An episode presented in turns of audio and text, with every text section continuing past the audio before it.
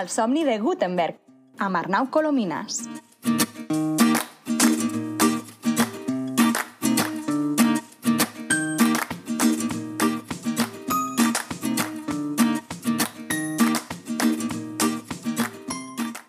En Gerard Elias és d'aquella gent que ja a simple vista es veu que són grandíssimes persones.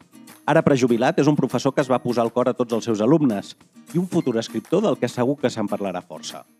Avui el tenim aquí el somni de Gutenberg per parlar-nos d'una d'aquelles branques de la literatura més interessants, perquè és possiblement la primera amb la que tenim contacte quan descobrim què són els llibres, els contes infantils.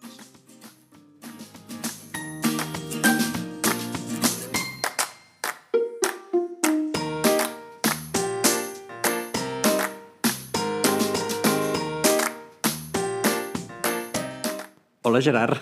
Hola, estàs, Arnau? Molt bé, molt bé, i vinc a, d'alguna manera, que, o vens, a explicar-me un cuento. Xx, Bueno, Com a mínim a parlar de contes, eh? a parlar de d'aquest gènere literari que sovint ha estat com el germà petit, no? Sí. Uh, els contes no, no, no acostumen a ser uh, les grans estrelles, que sí que és veritat que hi ha hagut èpoques en què potser els contes han tingut més protagonisme que el que tenen ara, eh? sí, segur. Perquè no teníem els mitjans que tenim ara i la gent s'havia de distreure d'alguna altra manera. Els contes a la vora del foc tota la vida, amb l'avi explicant històries a la canalla, que era l'única di- diversió potser possible, no? Quan el fred apretava o depèn de, del lloc on visquessis, no hi havia alternativa. Contes que són aquestes petites històries que al final a tots ens agrada que ens expliquin un conte, que ens expliquin una historieta, que ens expliquin uh, algo que al final té una moral o té un aprenentatge, no? que, que potser és la base del conte, no? que al final, uh, contra de les novel·les d'alguna manera, que, que potser no tenen missatge al final, el conte sempre intenta tenir un missatge. El conte té un rerefons, o cert tipus de contes tenen un rerefons de la moralina de tota la vida i no deixaven de ser un aprenentatge o una didàctica. Uh -huh. En aquest sentit, sí. Però a vegades algun dels contes, que, que per, això, per això he decidit doncs, que protagonitzis aquest, aquest petit espai, eh? Eh, perquè has fet una tasca lúdica, però una tasca d'anàlisi d'alguns contes eh, que ens poden semblar molt normals, però que són forts, que són, fins i tot en diria gores, eh? en Sí, certs aspectes. sí, sí. Contes que eh, si ara us en diem alguns exemples i alguns noms, igual no us heu imaginat mai que poden tenir una part fosca, per dir-ho d'alguna manera, una part negra, no? Per exemple, la caputxeta vermella. Sí, sí, sí, la caputxeta vermella amb la versió del Perró i companyia.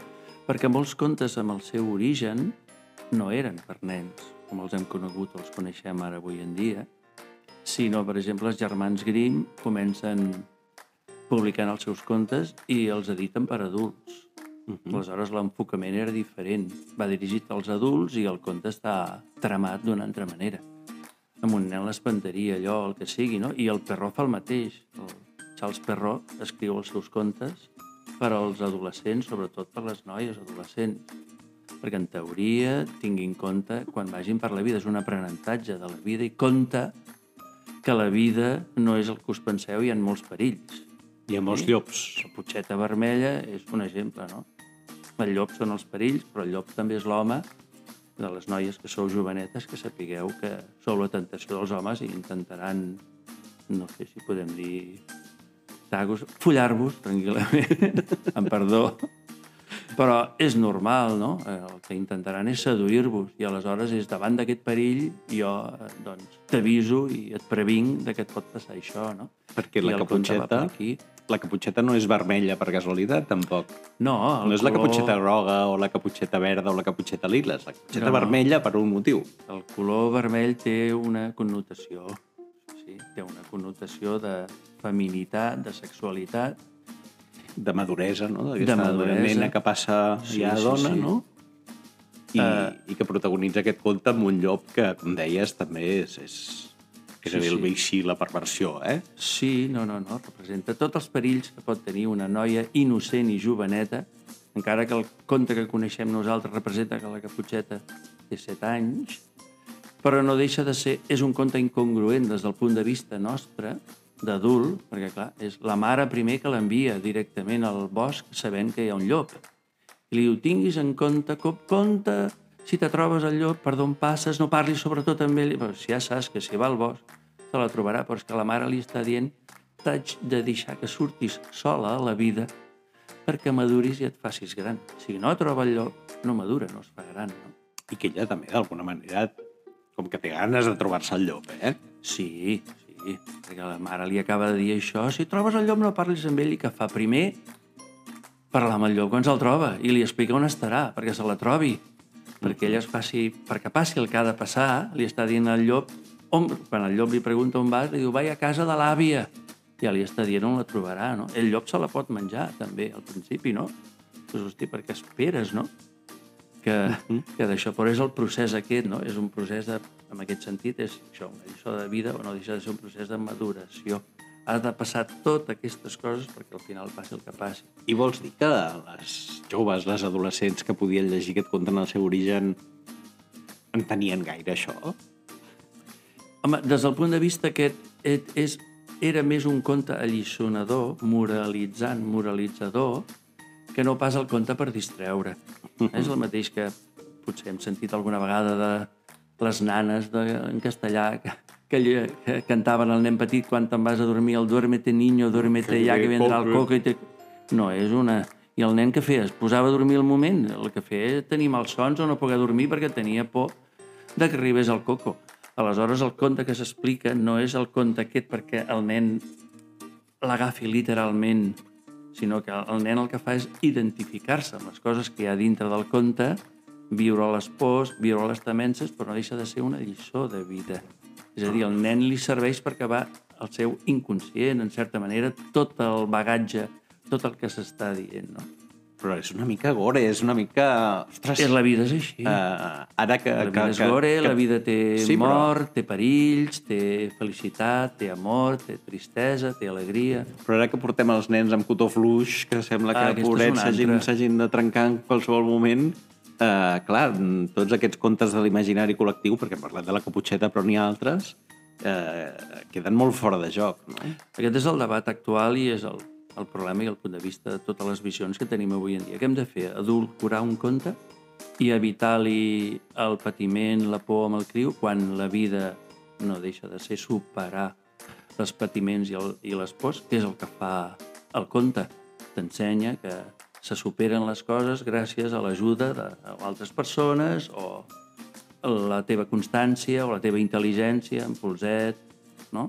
Va, fem un repàs de, de punts de vista diferents als que estem acostumats dels contes que tenim molt apresos i sabem i coneixem.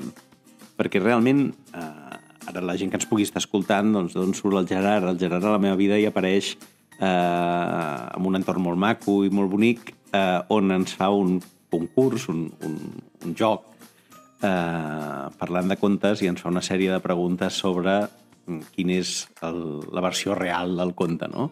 D'on venen? D'on venen. O d'on neixen? I vam estar al·lucinant tots els que jugaven en aquell joc d'alguna manera de, de, de conèixer i de reconèixer d'una manera diferent aquests contes, no? El, fem un repàs, va, algun d'ells. Explicant alguna coseta. A veure, jo no en sóc expert, Home, i només sóc un aficionat i parlo des d'aquest punt de vista perquè hi ha gent que en sap molt més que jo i si dic alguna cosa que està fora de lloc, doncs que em perdonin perquè només sóc un aficionat. A veure, la història es basa una miqueta també, sobretot amb la interpretació dels contes del que deia el Bruno Bettelheim, que era un alumne del Freud, i el que fa és mirar o analitzar els contes des del punt de vista de la psicoanàlisi. I aleshores va per aquí una miqueta. Uh -huh. És a dir, tenen tota una mena de components, sobretot sexuals, que el nen necessita per entendre la vida, per entendre el que li vindrà, per entendre el món adult. I aleshores, dintre del seu inconscient, subconscient, hi ha moltes coses que no entén i no deixen de ser un bagatge que li va entrant a poc a poc i que suposa que l'ajuda a interpretar aquest món que acaba de viure, comença a viure amb 3, 4, 5 anys, que és l'època o l'edat dels contes, a partir dels dos anys, fins als 6, potser, perquè aleshores ja són massa llestos i ja veuen que la cosa va per un altre cantó, però que els serveixen. Però, clar, diem que l'origen no és aquest, l'origen, els contes s'han explicat, com deies tu abans, tota la vida, la narració ha agradat sempre. A tots ens agrada que ens expliquin històries, boniques, no boniques, eh, el que sigui, però té un component màgic, eh, l'explicar històries des de la prehistòria, i els contes van per aquí, i de totes les cultures, des d'Orient fins, a la, fins a la nostra, no? fins a Occident i l'europea sobretot, i bueno, totes les influències que té de cristianisme i companyia i, connotacions d'aquestes que van afegint coses. Però Que la també- cosa ve que de molt també- lluny. Clar, exacte. El no? que, parlàvem... També, també formen part d'aquest caldo que, Clar, que són els clar, contes clar. que ens han arribat. Eh? i que tergiversen, influencien i canvien. Molts contes són de tradició medieval, no? el romanticisme amb els germans Grimm, el rescaten, però també hi ha Hans Christian Andersen, que porta el seu, el que deien del Jacques Perrault, del Jacques Perrault, no? del neoclassicisme, però podem parlar de tota la tradició, de- des de contes del Geoffrey Chaucer, del de Camaró, eh, la tradició, no sé, els contes de la Mil i una nit, sempre històricament. I aleshores no Però- deixen de ser una evolució històrica. I molts d'ells, el que deies, que des del punt de vista d'un adult, no... Aquell guió fa aigües, per dir-ho d'alguna No manera, sentit. no? Per exemple, la vella dorment eh, es punxa, s'adorm, hi ha un Sí. príncep blau que li fa un petó, llavors es desperta, no? Això és bastant incoherent, en general, Bueno, i no? avui en dia seria molt masclista, perquè és el paper femení de la dona sempre passiu, d'esperar que arribi a l'home i tot això, però reflexa el pensament d'una societat. Antigament l'empoderament femení no existia ni es plantejava, no? I, I si la caputxeta vermella doncs, tenia una sèrie de connotacions, la, la vella dorment també en té. També en té moltes, tot t'està explicant rols no? que s'espera de les dones, que s'espera dels homes. Uh -huh. T'està transmetent un model cultural, un model social, un model familiar. Perquè en el seu origen aquest eh, petó per despertar-la, què seria? En principi és... Eh, a veure, amb el seu origen, per exemple, quan la vella dorment es punxa amb el fus, se suposa que té 15 anys i allò representa la menàrquia, no? la primera regla. La gota de sang és ja sóc dona. Però per realitzar-me com a dona, per entrar al món adult, no en tinc prou. Amb, el, Amb la sang? amb la sang necessito que arribi a l'home, al mascle, no? que em, em, em realitzi com a dona.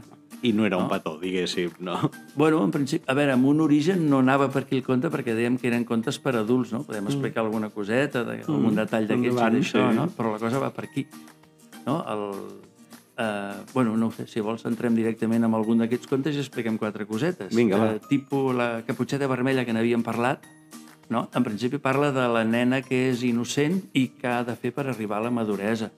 El bosc representa la vida, és el camí que ha de recórrer. Complicat i... amb Sí, amb tot, són els que, amb tot el que es trobarà, no? arribar allà, el llop, els problemes i tal. No deixa de ser un conte moral del que dèiem abans i el que deies tu del, del color vermell de la caputxeta. Eh, Hi ha algun conte del segle XI, eh, una història titulada Fecundi Ratis, Carai. en què ja apareix una nena vestida de vermell enmig de llops. No era exactament el conte aquest, però ja et dona una connotació, no? L'Eric Fromm, el psicoanalista també, eh, seguidor del Freud, el que diu és que el color vermell de la caputxeta no és perquè sí, perquè és el, el color que representa la menstruació, representa doncs, la menarca, en aquest cas, no? la primera regla, encara que la nena representa que, que, és, que és una nena i té 7 anys, però no deixa de ser una representació, dir-ho així, sintetitzada del que li passarà a la vida. No? El conte mateix té moltíssimes connotacions sexuals. Mm. Eh, el, quan la caputxeta està amb el llop, que el llop es fa passar per l'àvia, doncs quins ulls més grans que tens, de que, quines mans o quines urpes més grans, mm. quina boca més gran, fins a arribar a les dents. La caputxeta o és molt tonta, molt tonta, que no ho crec, o ja sap que li espera. No veu que allò no és l'àvia, no veu que no té la veu aquella, no veu tot allò que sobresurt, és a dir, espera que arribi allò, no? És, una, és un, un final buscat. El conte de Perró originari no era així, s'acabava en què la caputxeta era devorada pel llop, però Se la jala, al final, eh? i se la jala al final després de tirar-se-la, primer Molt, molt bé, molt bé. fa que es carai. posi al llit amb ell que consuma, per dir-ho així, no? Clar, perquè l'àvia, si no recordo malament, en el conte l'àvia és al llit estirada, esperant-la, eh? Sí, L'àvia, el, el llop, sí, sí. Eh, amb el conte del Perron no hi ha caçador, no hi ha salvador i, en principi, doncs... Pim-pam. Sí, sí, és, és el que dèiem abans de la moralina, no? Explica què era això, no? El Perró el, el que diu és no confieu mai en estranys. Estava fet el conte per dir això. En homes I- estranys, eh? clar, en homes que en no homes conegueu, en estranys. homes que... En gent que et pot portar el mal. És el, la, el concepte aquell que sempre es, es tenia o es té, encara tenim ara, de el, el diferent o l'aliè és estrany i en certa manera és perillós. Alguna vegada havia sentit dir, que no sé si és veritat, que quan es trobaven d'on ve la salutació aquesta de donar-se la mà, que prèviament, abans d'agafar-se la mà, ens agafàvem, o s'agafaven l'avantbraç. Quan dues persones es trobaven pel bosc, sempre és, a l'estranger és el, eh, provoca la desconfiança. Jo em trobo amb algú, no sé qui és, ens saludem, però la manera de que no me faci res és si jo evito que ell pugui fer-me alguna cosa a mi, amb la majoria som dretans, agafant-li la seva mà dreta. Si jo agafo el seu avantbraç i ell m'agafa el meu... No estarà agafant una pedra, una estarà llança, una pistola o el que sigui, i el que no? sigui, no d'això. No? És a dir, l'aliè sempre provoca la desconfiança aquesta. Els bàrbars no? feien por perquè eren por. Bàrbar vol dir estranger, no? no? però té la connotació aquesta de salvatge, que em farà mal, que m'atacarà, que em matarà a mi la meva família, em prendrà a casa meva i coses per l'estil. El perró anava per aquí. No, no confieu mai en estranys. I acabava el seu conte dient les jovenetes boniques i ben educades fan molt malament d'escoltar els desconeguts. I el llop acaba eh, obtenint el que vol. De llops n'hi ha de moltes menes, deia. De bona aparença, servicials, amables, i deia, ai, ai de les que no sàpiguen que aquests llops amables són els pitjors. I el conte estava fet expressament perquè sapiguessin què podia passar, no? Molt bé, molt El conte interessant. de la Ventafocs, per exemple, Ventafocs, vinga. del eh, Jean Batista... Ah, no, surt el cognom. Jean Batista, Sí, l'amic bueno, Jean Batista. Un Sí. contista del, de italià. Doncs eh, resulta que eh, el conte en realitat també era un conte per adults, era un conte per alliçonar, i com s'acabava el conte és que en comptes del príncep trobar la seva ventafocs i acabar-li posant la sabata de vidre i tal, i casant-se amb ell, doncs resulta que eren les germanastres amb la madrastra que acabaven enganyant el príncep i una de les germanastres es tallava el peu perquè li quedés la sabata i s'acabaven casant amb el príncep. I per tant ella queda sense el príncep que es mereixia, sí, eh? sí, no? I és l'engany. Mitjançant l'engany s'obtenen coses. Fan el bragatasso tallant-se mig peu. Carai, déu nhi eh? Ja et deia que hi havia sang i fitxa i que eren una mica Sí, sí, gores, sí. eh, alguns d'ells. Conte més, és va? Directament el d'això. A veure, alguna, explicar algun d'algun més. Per exemple, la Blancaneus i els set nanets. No? Mm -hmm. Té, Però aquest és molt innocent, no? No. A veure, una dona o nena que se'n va al bosc a viure amb set homes que no coneix de res, nanets, per molt nanets que siguin, molt innocent no és. Ens Vaja. explica o ens parla de la innocència, però Parla al de la manada o fons... què? No, en principi té un paral·lelisme inicial amb l'expulsió del paradís terrenal, Uh -huh. perquè la Blancaneus ha de marxar de casa seva, que és la zona de confort i on viu i està bé, perquè hi ha una madrastra que la vol matar. uh -huh. I aleshores és la connotació aquesta i és. Ja que té connotació és el que dèiem abans també de la influència que pot arribar a tenir, o té, ha tingut la religió amb el, amb el món occidental, sobretot la religió catòlica, no? Uh -huh. Perquè té aquest paral·lelisme de l'expulsió, però també la poma. Apareix la poma el mateix, És la poma d'Adam i Eva, que és el mateix que provoca l'expulsió del paradís, en aquest cas provoca la mort de la Blancaneus, no? quan la pren perquè està enverinada. Eh, no deixa de ser el mateix que dèiem de la caputxeta vermella, que és una lliçó de què ha de passar per fer-te per, perquè arribis a ser adulta, passis de la infància a la maduresa com a dona. Uh -huh. Aleshores, són els estadis i els períodes pels, quals, pels quals ha de passar. Tornem a trobar el bosc. Si no vas al bosc, el bosc és la vida. T'has de trobar els perills per Però- poder-lo superar. Però els nans són bons. Els nans són bons, en aquest sentit sí. El conte t'ensenya també que necessites els altres per superar les dificultats i que és bo que et relacionis amb els altres, no? És un conte molt simbòlic. Surt el número 7, els set nans. Mm -hmm. Se suposa que la Blancaneus té 7 anys, també quan la volen matar, pobrissona. No deixa de ser un nom bíblic, ai, un nombre bíblic, perdó, mm -hmm. els set pecats capitals, Sí, sí, sí. o la connotació cosmològica que pugui tenir el número 7, dies de la setmana i coses per l'estil. I després que les madrastres sempre són dolentíssimes, eh, en els contes. Sempre. Possiblement perquè l'edat mitjana, que molts contes tenen el seu origen o s'aferma a l'edat mitjana, hi havia molta mortaldat per part de mare, sobretot al moment del part, i era habitual, possiblement, que els pares, per cuidar els fills, doncs es tornessin a casar. Aleshores era una situació molt més habitual que la d'avui en dia. El que passa que és curiós que hi ha molta madrastra amb connotació negativa i no hi ha molt de padrastre, no? De pare, de segon pare, no? No té la connotació que pugui tenir, per exemple, que puguin tenir les sogres que no tenen cap culpa de mala fama, sinó que era un element que ajudava a entendre, un element més que ajudava a la maduresa de, de la persona, no? Déu-n'hi-do. perquè, no sé, d'això.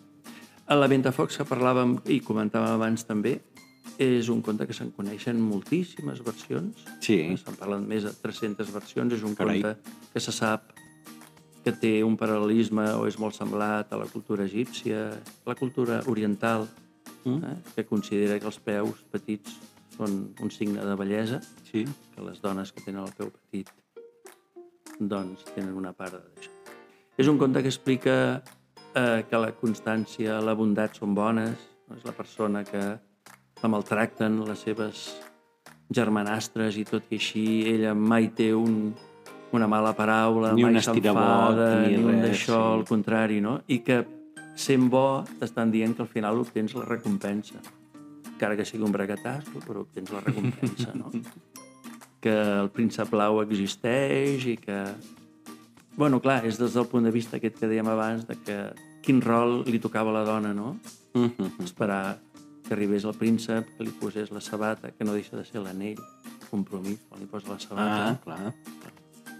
que et salvi d'aquesta vida d'esclavitud i de misèria. Però és un, és un pretty woman, no? I Sí, senyor. tots els casos que podem dir avui Clar. en dia, quantes monarquies europees han fet una ventafocs, no? El príncep amb una dona Amb humil, una plebella, no? no? La dinastia del Japó, de L'espanyola, països la- nòrdics... Ah, l'espanyola també. l'anglesa, no? També. El, el, Sí, la, sí, sí, tant, sí. tant el rei actual com el, Sí, sí, com el la- fill, eh? Una miqueta. Sí, Sí, sí. sí. El mateix. Els hola- holandesos i... Mhm. Sí, sí. Vull dir que paral·lelismes en té també, però explica la història. Molt bé, escolta'm, hem passat molt bona estona repassant, repassant contes, repassant historietes que d'alguna manera ens has fet veure un rerefons diferent al que estem acostumats, no?